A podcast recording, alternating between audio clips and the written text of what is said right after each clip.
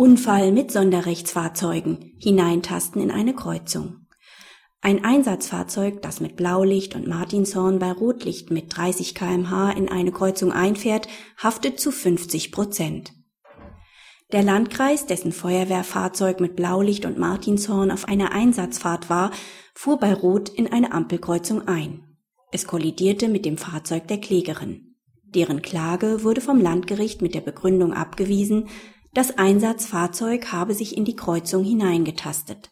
Das Oberlandesgericht holte ein technisches Sachverständigengutachten ein, das zu einer Kollisionsgeschwindigkeit von 30 kmh kam und gab der Klage zu 50 Prozent statt.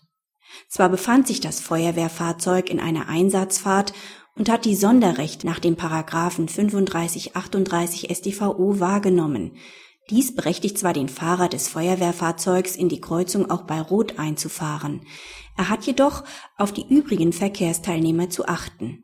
Die allgemeinen Verkehrsregelungen werden nur insoweit abgewandelt, dass die anderen Verkehrsteilnehmer auf ihr Vorrecht, hier der Klägerin, verzichten müssen, wenn sie die Sonderzeichen wahrgenommen haben.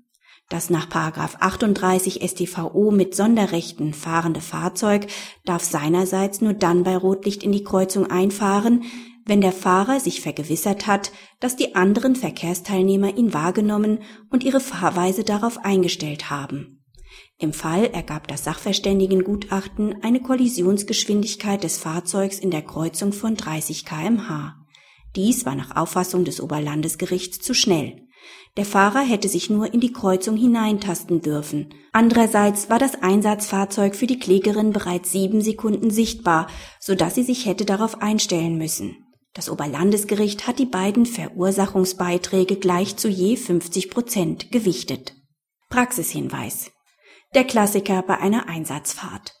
Während der Fahrer des Einsatzfahrzeugs regelmäßig vorträgt, er habe sich in die Kreuzung hineingetastet, will der Unfallgegner das mit Blaulicht und Martinshorn fahrende Fahrzeug erst unmittelbar, wenn überhaupt, vor der Kollision wahrgenommen haben. Nicht selten kommt es dann nach der Einholung von Sachverständigengutachten zur Unfallrekonstruktion zu einer Quotelung. Einerseits kann nicht immer von einem sorgfältigen Einfahren in die Kreuzung die Rede sein. Andererseits hätte das Einsatzfahrzeug bei gehöriger Aufmerksamkeit, die zu fordern ist, auch rechtzeitig für eine Reaktion wahrgenommen werden müssen. Die Quotelung hängt bei einer solchen Situation vom Einzelfall, das heißt insbesondere von den gefahrenen Geschwindigkeiten sowie den Sicht- und Hörmöglichkeiten ab